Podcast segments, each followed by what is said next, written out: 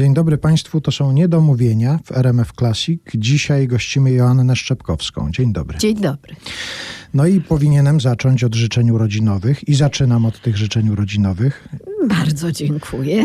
Najlepszych. One nie są spóźnione, bo pani postanowiła, że cały maj będzie pani tak, świętowała tak, swoją tak, urodzinę. Tak, no bo to są jednak okrągłe, bardzo okrągłe urodziny, więc no, należałoby jakoś przedłużyć. A z tą datą urodzin 1 maja kiedyś, kiedyś nie było żartów jakichś związanych, że pani obchodzi urodziny wtedy, kiedy na ulicę wylegają pochody? Zdecydowanie były, ponieważ trafił mi się bardzo dowcipny ojciec, Mhm. który mi mówił od dzieciństwa, że te pochody są na moją cześć. I pani No wierzyła i, ale a dlaczego ma dziecko nie uwierzyć, że jak ma urodziny, to cały kraj idzie w pochodzie? Dlaczego? I po prostu pewnego razu, już mając jakieś 5-6 lat, zapytałam, dlaczego nie niosą moich zdjęć. No bo coś mi nie pasowało. Ojciec powiedział, że po prostu moich nie mają, ale to, co niosą, to jest dalsza rodzina. No, to... Więc wzrosłam w przekonaniu Marx, Engels, Lenin, po prostu pradziadkowie. Taką rodzinę mieć, jaki to jest kłopot dla dziecka. No zatem jeszcze raz wszystkiego najlepszego z okazji urodzin. I zazwyczaj w radiu bywa tak, że jak się składa życzenia urodzinowe, to się mówi, do życzeń dołączamy piosenkę. Ja już wiem, jaka to będzie piosenka, Tak. bowiem ta piosenka też się z pani urodzinami wiąże. I właściwie powinniśmy tutaj rozwinąć taki wątek zespół The Beatles w życiu Joanny No, muszę powiedzieć, że gdybym tak robiła ranking znaczeń, to niby się znaleźli na pewno na czele pierwszej dziesiątki. Dlatego, że ja należałam do tych nastolatek, wczesnych nastolatek, które były fankami, wtedy się nie używało jeszcze takiego słowa chyba, zespołu The Beatles, tylko że w odróżnieniu od fanek angielskich, ja nie bardzo znałam angielski, bo to nie był wtedy język przewodni. Myśmy się nie uczyli tak angielskiego jak dzisiaj, a mało tego, słuchało się ich z takich pocztówek, płyt pocztówkowych. Ja nawet nie wiem, czy dzisiaj w ogóle słuchacz wie, co to jest pocztówka taka normalnie jako list, bo tego się w ogóle już chyba nie używa. A wtedy były pocztówki, składło się taką igłę adaptera na tą pocztówkę i ona chrypiała straszliwie. No i to były właśnie te doznania muzyczne. Ale też oczywiście ten zespół to był zachód. To był ten świat, powiew zachodu, więc się krążyło dookoła kiosku, czy tam przy kiosku, że może a nuż dziś jakieś zdjęcie tego zespołu się złapie. Odkładane były te gazety przez kioskarza dla fanek. No to teraz, proszę Państwa, pojawi się ta piosenka, którą dołączamy do życzeń urodzinowych dla Joanny Szczepkowskiej, a wątek zespół The Beatles w życiu Joanny Szczepkowskiej rozwinie nam się w drugiej części rozmowy.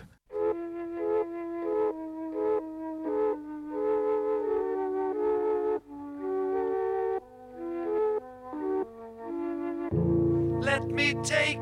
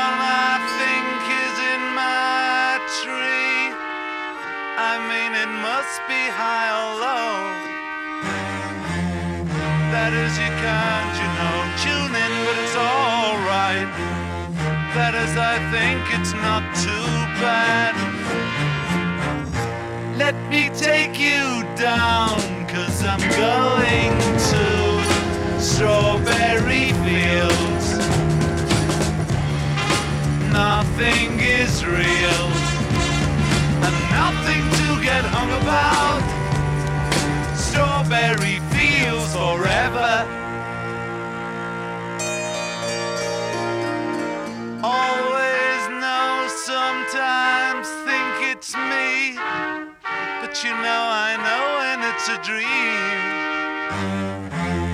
I think I know, I mean, uh, yes, but it's all wrong.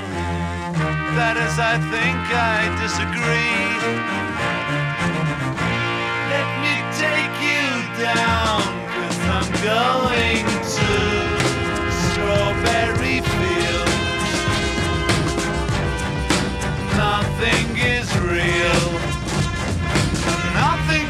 get hung about. Strawberry fields forever. Strawberry fields forever. Strawberry fields forever.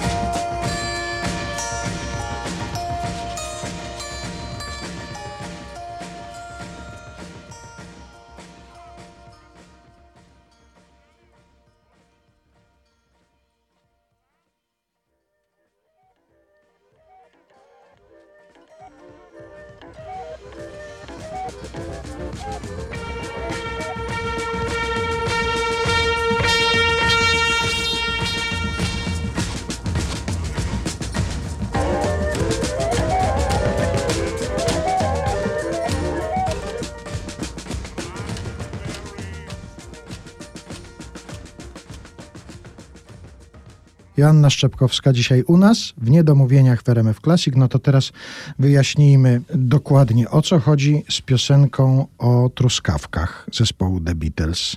O polu truskawkowym dokładnie. Tak, czyli kto mówi lepiej po angielsku? Pan Zdaje czy się, ja? że e, Ja spróbuję obydwoje się tak uczyli, uczyliśmy tego języka. Strawberry Fiddles Forever. To pani zdecydowanie lepiej Och. ode mnie mówi. Ja mam to wyćwiczone. Dlaczego ta piosenka się wiąże tak bardzo z pani jubileuszem? Wyjaśnij. Dlatego, że to jest piosenka, którą też słuchałam na takim pocztówkowym, właśnie w pocztówkowym wydaniu, chrypiącą taką. I próbowałam zrozumieć z różnymi słownikami papierowymi wtedy, co tam oni śpiewają.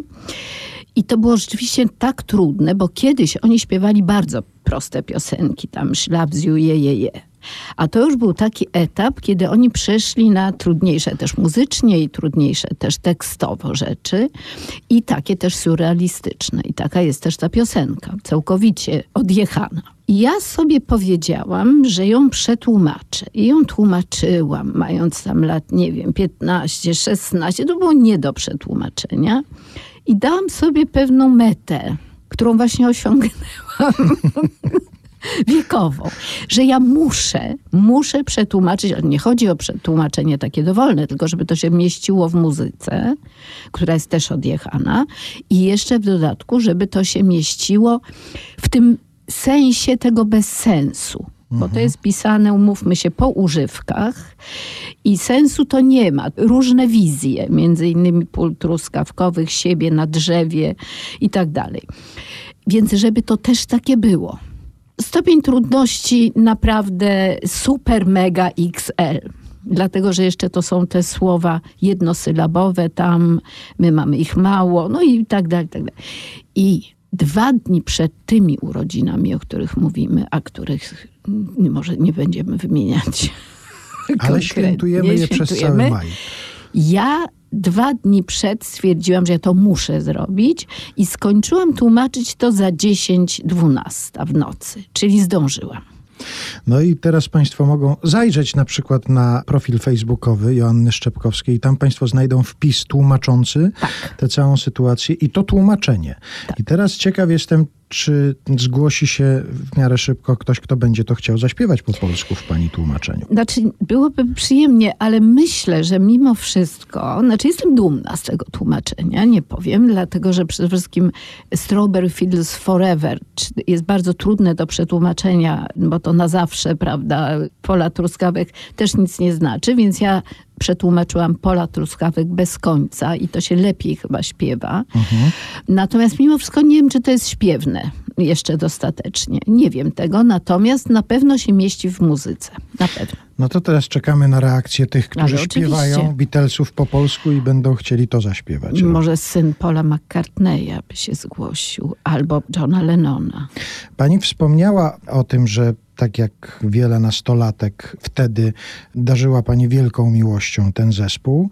No, nic dziwnego, że później kiedyś pojawia się książka Kocham Paula McCartneya, a jak się już pojawili Beatlesi, co prawda pojedynczo w Polsce, to skorzystała Pani z którejś okazji i była na koncercie? Naturalnie, jako prezent urodzinowy, wcześniejszy jeszcze, od moich córek dostałam bilet na koncert Paula McCartneya. Tak, oraz zdjęcie od nich dostałam. Paula McCartneya, Joasiu, czekam na dole.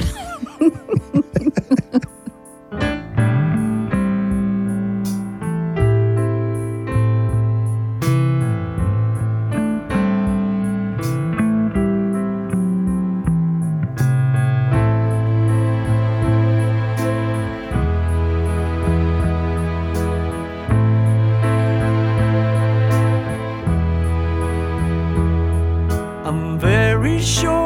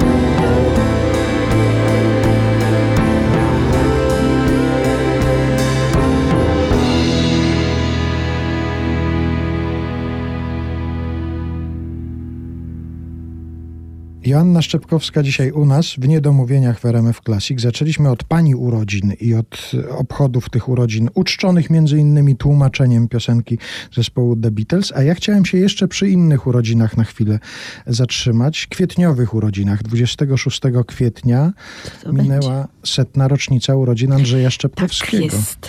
No tak jest oczywiście. I chciałbym, żebyśmy pani tatę, pani ojca wspomnieli. Czy zostawił pani w spadku takie zamiłowanie do drobnych form poetyckich, które sam uprawiał, bo przecież pisał, był mistrzem fraszki, takiego żartu wierszowanego, epitafia pisał.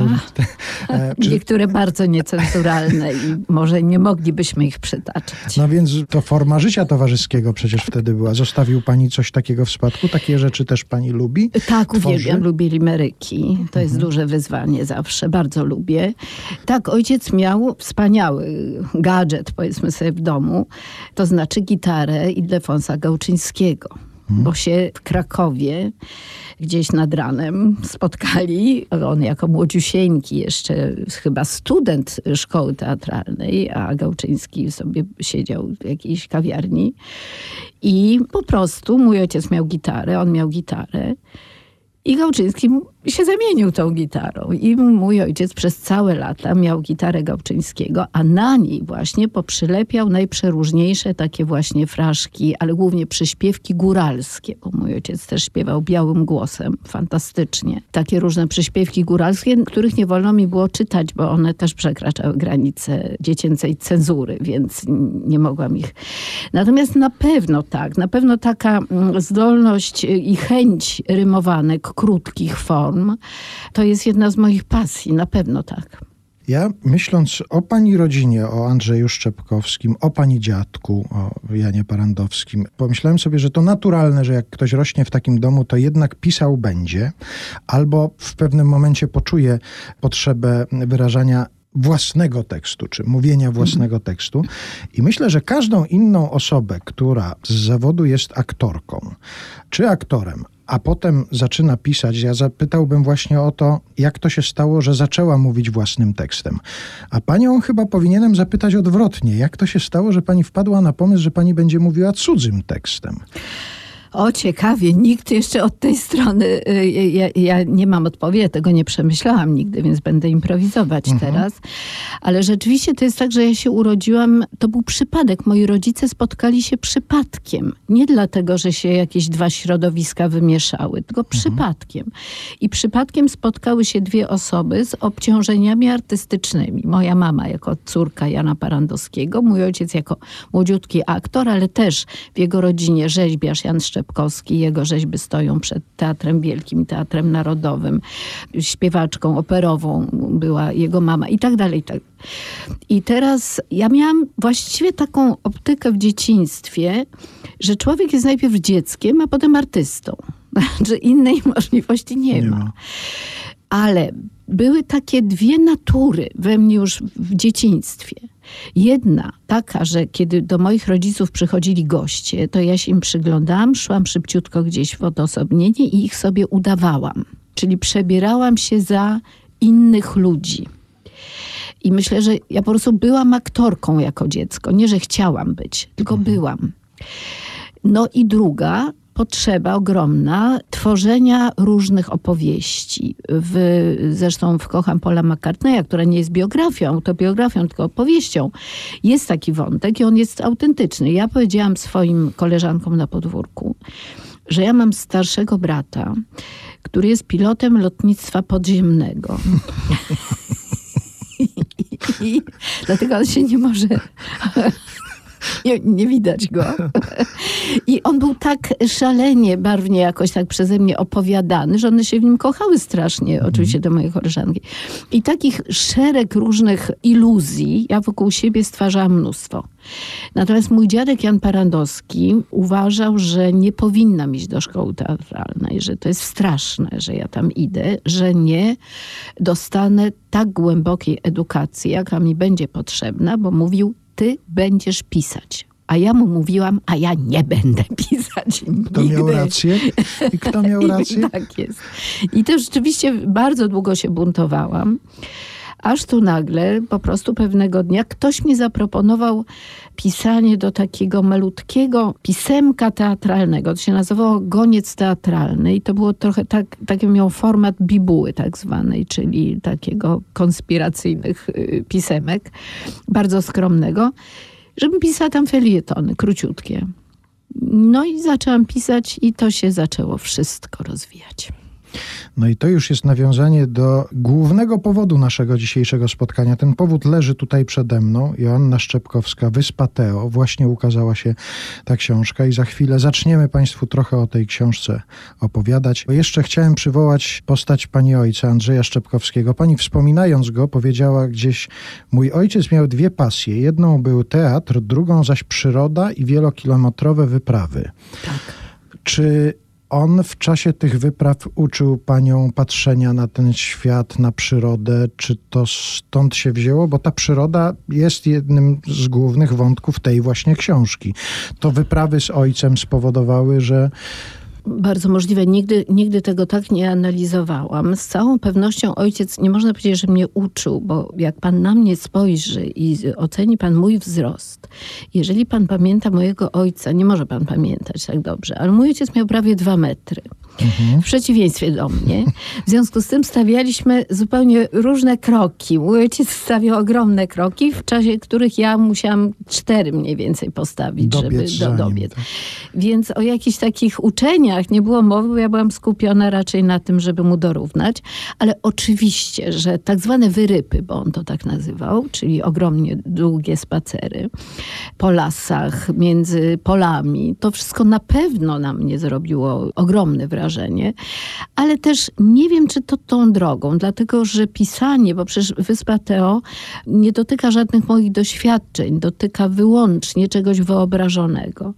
I ja myślę, że trochę tak jest z pisaniem literatury, że ona się może brać wyłącznie gdzieś spod z świadomości. wyobraźni. Bo przecież, mm, y, no nie wiem, Sienkiewicz nie był w Afryce, kiedy pisał w pustyni i w puszczy, prawda? I tak dalej, i tak dalej. Dostojewski nikogo nie zabił, więc to też... Te- tego y, nie no, wiemy tego na nie wiemy, ale, ale tak za- zakładajmy. Y, Więc ja myślę, że to, bo ja nie wiem skąd się te opowiadania wzięły. To znaczy skąd w ogóle, mm, jeżeli pan mi chce zadać pytanie, skąd taki pomysł, to od razu moja krótka odpowiedź jest nie wiem. Nie wiem. Nie Mhm. wiem. Czyli rozumiem, że tata nie kupił pani mikroskopu na przykład. Nie, nie, nawet chyba nigdy nie używał mikroskopu. Nie, nie. No to teraz już nawiązując bezpośrednio do treści książki Wyspa Teo, to skąd pani czerpie wiedzę na przykład o tym, jak wygląda sen wieloryba, albo jakie są różnice pomiędzy żądłem osy a żądłem pszczoły? Pewnie można znaleźć taką wiedzę w internecie, ale Zgadł pan, wygrał pan żelazko, zgadł pan. nie, nie, oczywiście to znaczy, to znaczy tak. Trochę to jest tak, że kiedy te opowiadania na mnie spadają, to oczywiście nie w całości, tylko zaczynam pisać pod wpływem jakiegoś powiedzmy natchnienia, czy jakiegoś wyobrażenia o tym wszystkim, a potem dzieje się to, co strasznie lubię, czyli biorę się za studia. No bo rzeczywiście mam taki rodzaj, nie wiem, wyobraźni, która mnie ciągnie w bardzo różne niespodziewane strony. Ja jestem ciekawa, ciekawa świata, ciekawa wszystkiego, a ponieważ no, niestety nie studiowałam wielu kierunków, jak chciał mój dziadek, więc zagłębiam się właśnie w to, jak wieloryb, i jakimi dźwiękami się posługuje. Akurat osami i pszczołami rzeczywiście interesowałam się od bardzo dawna, bo to, jest, to są szczególne społeczeństwa. Więc tutaj tu już czerpałam troszeczkę ze swojej wiedzy, ale ją pogłębiałam właśnie też internetowo między innymi. pani tutaj pisze na okładce tej książki opowiadania spadają na mnie nagle i bez związku z tym, co się dzieje na zewnątrz. Czy pani pisze codziennie? Nie, nie, niestety nie, bo to właśnie mój dziadek siadał o piątej rano codziennie, codziennie i miał taką zasadę, że nawet jeżeli nic mu nie przychodzi do głowy i ta kartka zostaje pusta, bo to kartki były wtedy, to ma cztery godziny tak siedzieć. Bo uważał, że jest w pracy. Natomiast nie, ja piszę wtedy, kiedy postanawiam już napisać jakąś książkę, tylko wtedy. Nie, nie jest tak, że się wprawiam, że ćwiczę palcówki, tak jak pianiści. Nie. Ale wtedy, w tym momencie pisania, to jest właśnie taka systematyczność, że jak Tak. pani się zabiera do pisania, to już codziennie... Tak, to już jest ileś- ten tunel i już y, inny już nie wchodzi w grę. Tak, to ja rzeczywiście jestem na tym bardzo, bardzo skupiona, bo jak pan zresztą zauważył, to wymaga pogłębienia wiedzy z bardzo różnych dziedzin. Także tutaj nie ma możliwości y, zajęcia się czymkolwiek innym. mówimy Państwu o najnowszej książce, to jest zbiór pięciu opowiadań Joanny Szczepkowskiej, Wyspa Teo. Wydaje się Pani, tak tutaj jest zasugerowane, ale czy to tylko taki zabieg literacki, żeby dać do myślenia czytelnikowi, czy tak pani myśli, że Amerigo Vespucci nie podróżowałby, gdyby wiedział, co zrobimy z tym światem, nie odkrywałby tego nowego świata? Nie, oczywiście, żeby odkrywał. Ja nawet nie, nie jestem pewna, czy on miał takie myśli, które tutaj mu włożyłam do głowy. Ale to, co spaja te opowiadania, to jest rzeczywiście przyroda i to, jak ona była postrzegana, bo opowiadania są z różnych okresów. Dwa są z XIX wieku, a dwa są współczesne, trzy są współczesne. Ale łączy je postrzeganie przyrody. Czyli na przykład bohaterka Dzikiej Łąki uważa tę przyrodę za pewną ostoję i cieszy się jako matka, że na pewno kiedy przyjedzie w to samo miejsce latem następnym, to to lato będzie takie samo i jakby jest wdzięczna słońcu za to, że, że tak jakoś operuje, prawda, wspaniale. Dzisiaj my wiemy, że przyjedziemy w to samo miejsce, a to miejsce może być już zupełnie inne. Tak samo Amerigo Vespucci tam u mnie patrzy na wieloryby pierwszy raz, w ogóle nie bardzo wie, co to jest. I ma taki przebłysk, że my ludzie możemy to kiedyś zacząć po prostu na swój użytek takie jakieś niezwykłe zjawiska wyłącznie, nie wiem, mordować. O. No tak, zwłaszcza, że jego marynarze już się przymierzają Tak, do tego, się- żeby tak, skonstruować tak, coś, tak. co ma... Tak. Ale tak, myślę, że ciekawość, myślę, żeby podróżował, to znaczy myślę, że ciekawość e, świata jest po prostu pewnym takim nam nadanym, naszej naturze człowieka zjawiskiem i że my tej ciekawości nie jesteśmy w stanie poskromić. Ten pies, Maltańczyk, który nie jest Maltańczykiem, to jest prawdziwa postać, czy też z wyobraźni? Nie, to rzeczywiście jest troszkę prawdziwa postać. Maltańczyk, prawdziwy Maltańczyk się w pewnym momencie pojawił w, w naszej rodzinie. Taki Maltańczyk przechodni, to znaczy ktoś nam dał na, na, na jakiś czas na przechowanie psa i ja, ja zawsze miałam psy, ja jestem psiarą, ale psy wielo, wielorasowe poza wyżlicą, która była też szczególną przygodą w moim życiu. Ale ja nie znałam takiego pieska. To jest jedna z najstarszych ras na świecie. Taka, no rzeczywiście i geny tej rasy są tak silne. To znaczy, to jest pies raczej egotyczny, który uważa, że należy się na nim koncentrować i że właściwie każda chwila, kiedy tak nie jest, jest stracona dla człowieka. No a tutaj jest, on y, zaczyna być mieszany z różnymi innymi rasami. Jest takim niedookreślonym wątkiem w tej powieści. Jeszcze chciałbym panią zapytać o taką warsztatową rzecz związaną z pisaniem. Kiedy pani już postanawia, że pani pisze i to się zaczyna teraz, to zaczyna się od układania jakiegoś planu, czy to ma nieść po prostu samo? Nie, to mnie wiedzie. To mnie wiedzie. Może tak nie powinno być, ale rzeczywiście ten plan, jakby ta konstrukcja, to jest to, co na mnie spada. To znaczy, ja właściwie z tym siadam. Nie jest tak, że się męczę z jakąś drabinką, bo właśnie ta konstrukcja na mnie y, spada jako całość. To znaczy, ja już mniej więcej wiem, jak to się kończy, jak to się zaczyna, za- a potem są niespodzianki. To znaczy, potem nagle postać bierze za rękę i prowadzi w zupełnie inną stronę. Tak się zdarza. Tak się zdarza. Natomiast tutaj Wyspa Teo jest też dla mnie była pewnym wyzwaniem literackim tego typu, że ja starałam się to pisać różnymi językami. To znaczy, kiedy jest to opowiadanie z XIX wieku, to się staram jednak pisać troszkę w takiej manierze. Kiedy mówi dziennikarka współczesnego pisma, to też pisze zupełnie innym językiem. Więc tutaj dla mnie też to była zabawa. Też list Amerigo Vespucciego, prawda, musi być pisany zupełnie innym, w innym stylu. Więc ta zabawa stylami to był ten czas dla mnie właśnie spełniania pewnego wyzwania literackiego. A jeżeli chodzi o rozstawanie się z taką książką, bo to też jest, zauważyłem w przypadku ludzi piszących, dosyć ciekawy moment, kiedy uznaje się skończone do widzenia, tym się już nie zajmuję. To zazwyczaj nie jest tak, że po prostu z dnia na dzień się kończy bycie z tą książką. Nie mówię tutaj o tych sprawach związanych z promocją, ze spotkaniami Nie. autorskimi, tylko rozstawanie się z tematem i z książką. Straszna rzecz, straszna rzecz. Dlatego, że już tak porównując, to jest dziecko.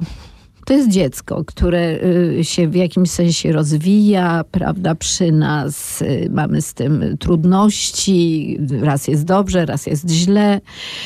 No i potem to dziecko dojrzało. Ono już jest książką, czyli rzeczą, przedmiotem i już nic nie można zrobić. Ono żyje własnym życiem. Ja pamiętam taki czas, kiedy byłam dwa lata, byłam w jury Nika. I w pewnym momencie tam myśmy zastanawiali się nad pewnym tomikiem poezji Wisławy Szymborskiej. Ja nie zdradzam żadnych tajemnic, bo to było omawiane już później. I ona bardzo nie chciała, żeby to w ogóle y, było w grze. A okazuje się, że już nie mogła. Nie mogła. To już jest. To już jest rzecz, przedmiot i nie zależy nawet od noblistki. Więc tak, książka już żyje własnym życiem. Mało tego, czasem na spotkaniach e, z czytelnikami, którzy już przeczytali książkę, można się o niej dowiedzieć, jak ją przeczytał czytelnik i jak zupełnie inaczej przeczytał niż ja napisałam. To się bardzo często zdarza. Bardzo ciekawe są zresztą te rozmowy i czasem czytelnik ma rację, że gdzieś ta podświadomość, nieuświadomiona dla mnie jako dla pisarki, ona jest przeczytana przez czytelnika. To jest chyba najciekawsze, jeżeli się okazuje, że coś, co ktoś napisał, może być przez różne osoby zupełnie różnie rozumiane. Tak, i dlatego pytanie szkolne, co chciał autor przez to powiedzieć, jest chybionym pytaniem, bo autor często nie wie. To jeszcze raz my Państwu powiemy to, co wiemy na pewno, że jest książka Joanna Szczepkowska, Wyspa Teo. Oczywiście, że zaczynałem od sprawdzenia, co to może znaczyć. I w słowniku języka polskiego no, jest napisane, że to jest pierwsza część wyrazów odnoszących się do Boga lub bogów. Też się tego właśnie dowiadywałam na spotkaniach. No więc teraz już wszyscy wiemy, Wyspa Teo, ta książka już jest, zbiór pięciu opowiadań.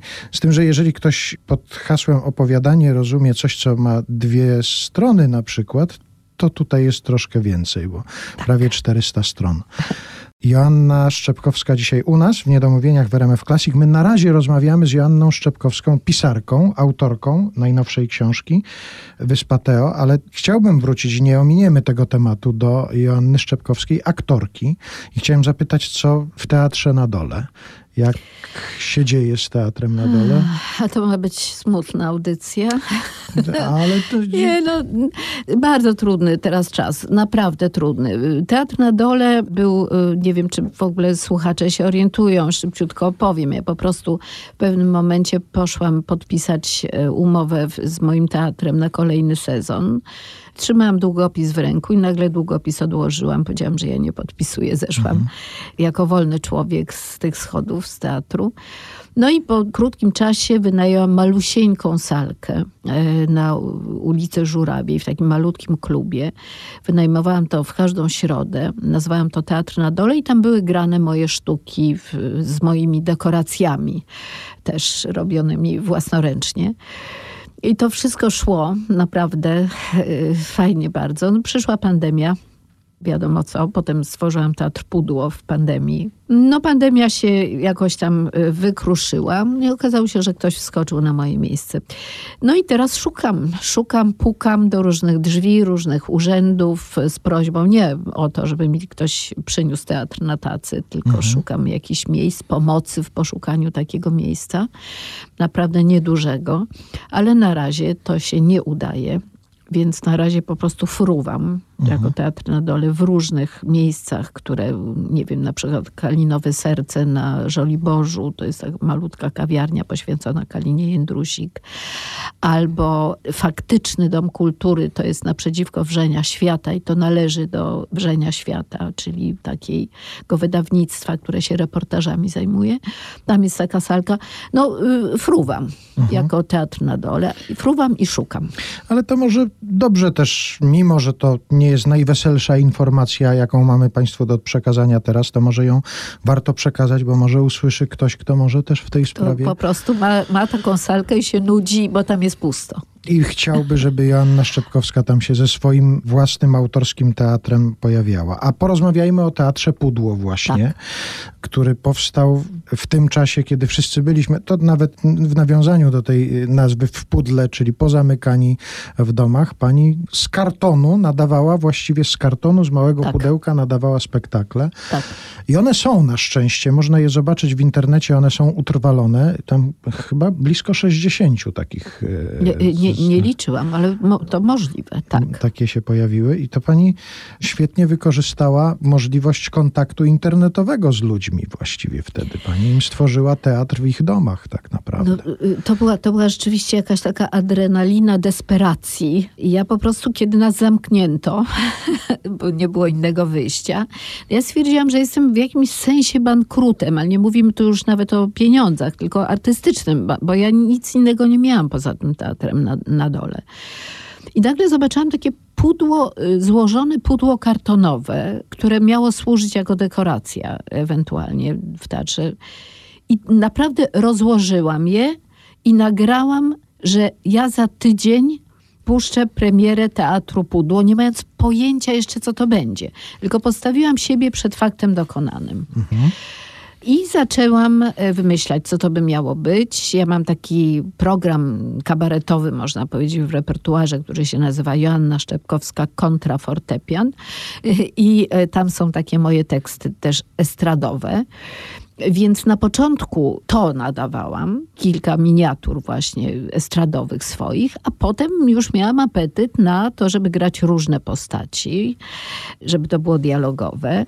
No i wtedy już musiałam się nauczyć montażu.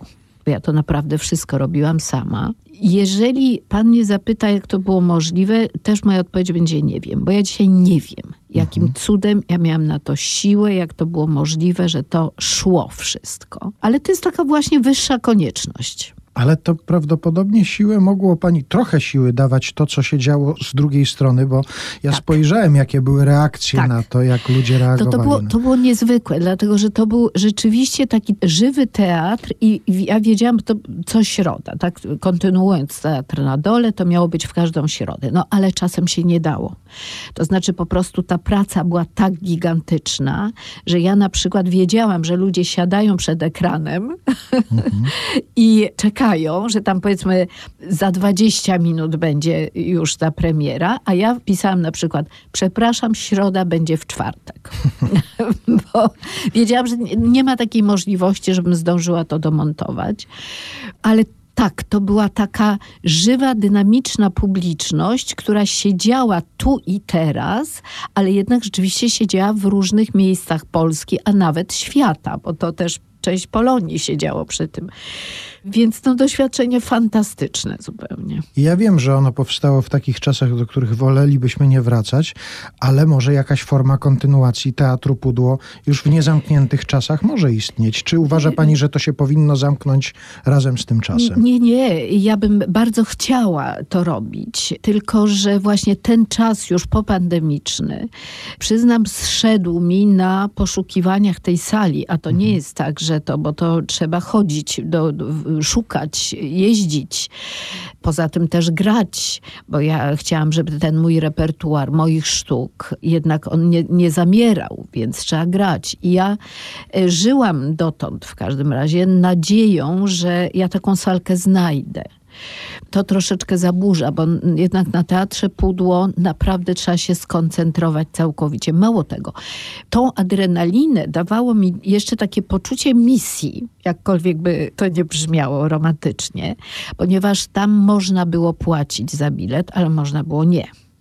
Dlatego, że teatr pudło był pewnym darem w tym czasie pandemii. No teraz już troszeczkę to inaczej wygląda. Ja muszę coś jeść. Nie wiem jak pan. No, po mnie widać, że nawet jemy. No jest, jest, jest, jest taka przypadłość, y, więc y, trzeba, żeby to się też troszeczkę kręciło, no jako, trudno powiedzieć, no biznes to może nie, ale mimo wszystko jako praca. Y, Więc ja troszeczkę bym to inaczej musiała traktować, ale tęsknię do teatru Pudło i pewnie za jakiś czas wejdę tam.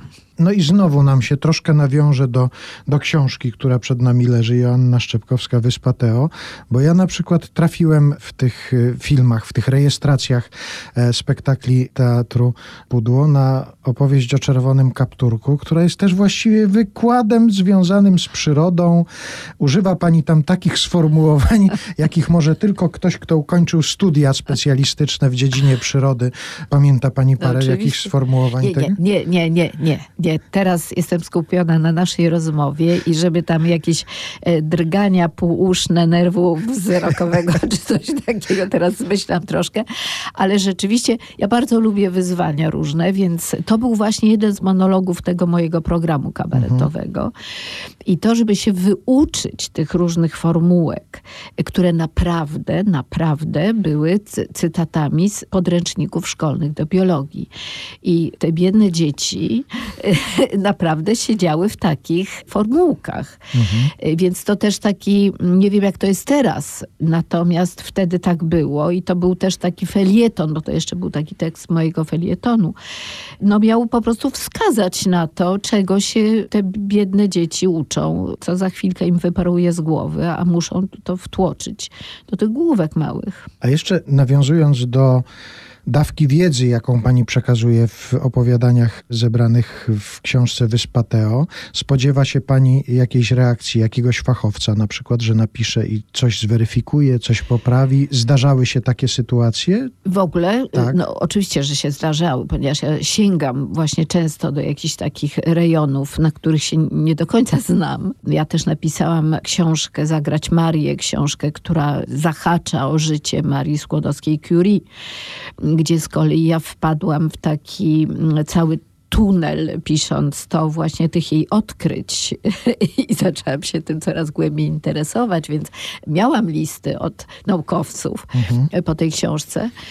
Natomiast tak, no, Wyspa Teo też dotyczy na przykład łucznictwa, dotyczy... Boże, na czym pani się musi znać, naprawdę? Ja, ja, ja nie wiem, nigdy nie ćwiczyłam łucznictwa, natomiast rzeczywiście poczytanie troszeczkę o tym było dla mnie fascynujące, jak to jest, jak to właśnie trzeba znaleźć ten balans, prawda, ciała, żeby w ogóle wypuścić te strzały, jaka to jest też wiedza o ciele. Ale to też świetnie pokazuje to, o czym pani mówi, jaką pisarz bierze na siebie odpowiedzialność, bo nawet jeżeli to nie ma być literatura popularno-naukowa czy naukowa, to jednak pewne rzeczy, które umieści w takiej literaturze są przez publiczność bardzo poważnie odbierane. Ja uwielbiam tę opowieść, parę razy ją tutaj nawet cytowałem, opowieść Wojciecha Młynarskiego związaną z piosenką Lubię Wrony, jak to O tak, ja też lubię zresztą. śpiewał e, o tym, że lubi wrony za to, że na zimę zostają między innymi i jakiś profesor ornitologii do niego podszedł po jakimś koncercie i powiedział, proszę pana, pan się myli, ponieważ z wronami to jest tak, że wrony na zimę odlatują na Węgry, a do nas przylatują wrony ze Związku Radzieckiego.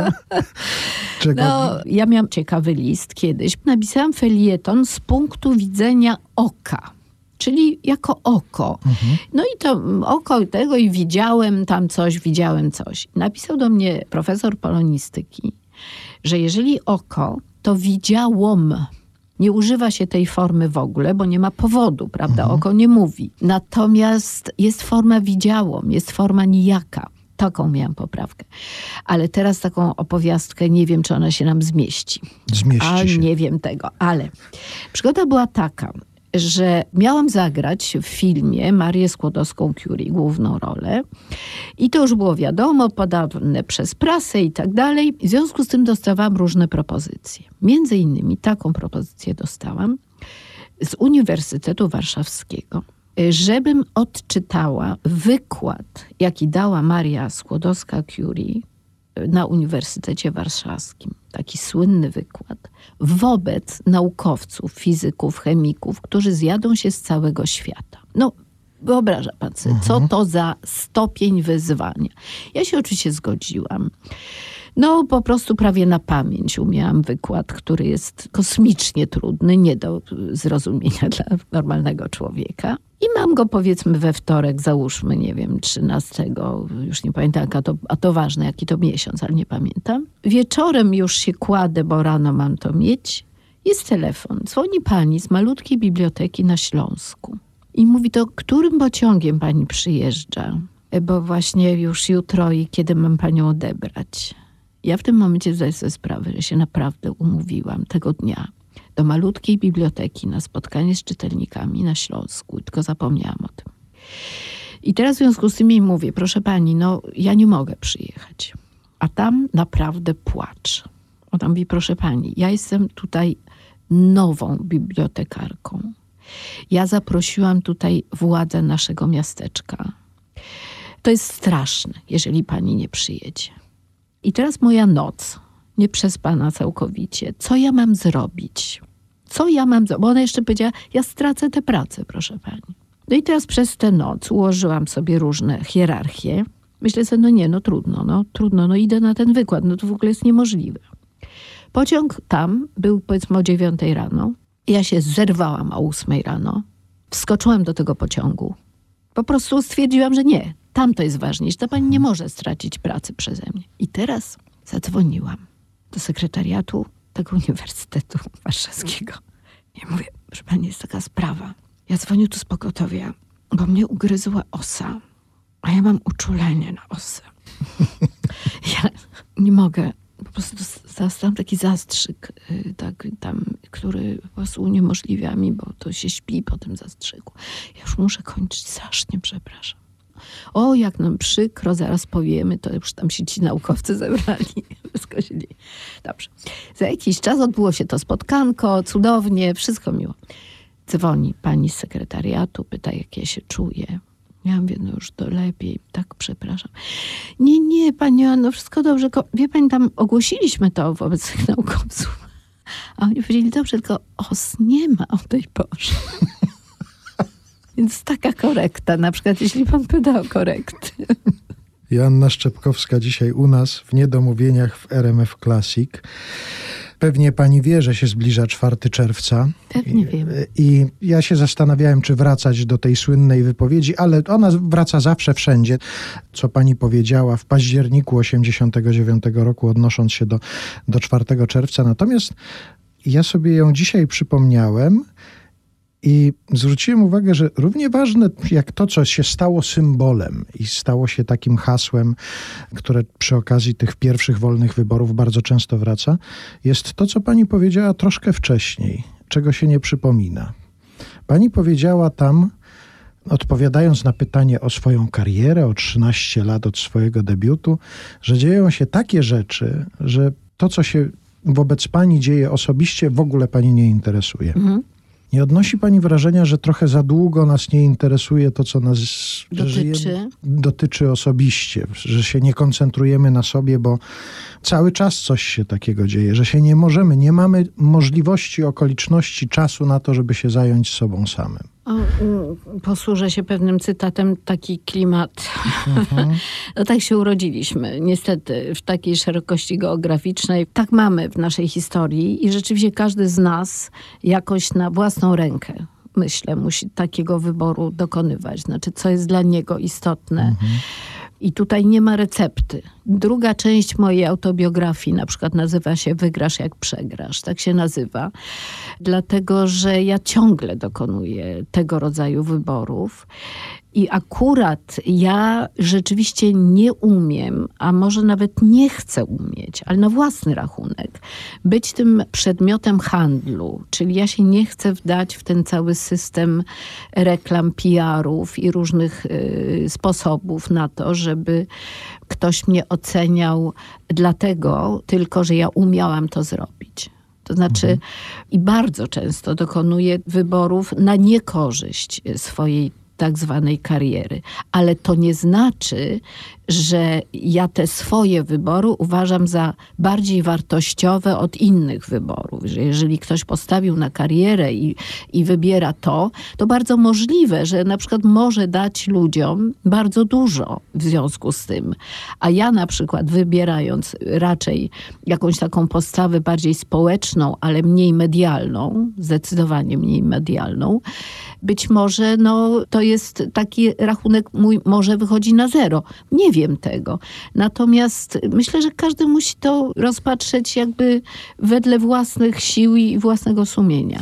Ja zresztą pomyślałem sobie, patrząc na tamto nagranie z tego 89 roku i słuchając tego, jak pani mówi, że w tej chwili dzieją się takie rzeczy, które nie pozwalają pani myśleć o sobie samej, tylko obserwować i uczestniczyć w tym, co się dzieje, pomyślałem sobie, że pani przecież tak jest skonstruowana, że pani zawsze się właściwie interesuje tym, co się dzieje, a nie tym, co się dzieje w karierze Joanny Wokół Szczepkowskiej. mnie. Tak, zdecydowanie. No tak jestem, tak i to jest na, najlepsze określenie. To nie znaczy, że ktoś, kto myśli inaczej jest, nie wiem, gorszy z mojego punktu widzenia. Tak jestem skonstruowana i zawsze, kiedy mnie pytają na przykład o takie najpiękniejsze dni w mojej karierze artystycznej, to mimo, że y, rzeczywiście zdarzyło mi się, nie wiem, być laureatką bardzo wielu nagród, na ogół jakichś takich pierwszych na festiwalach, zawsze te najpiękniejsze dni są wtedy, kiedy one się łączyły z ryzykiem artystycznym, kiedy nie były poparte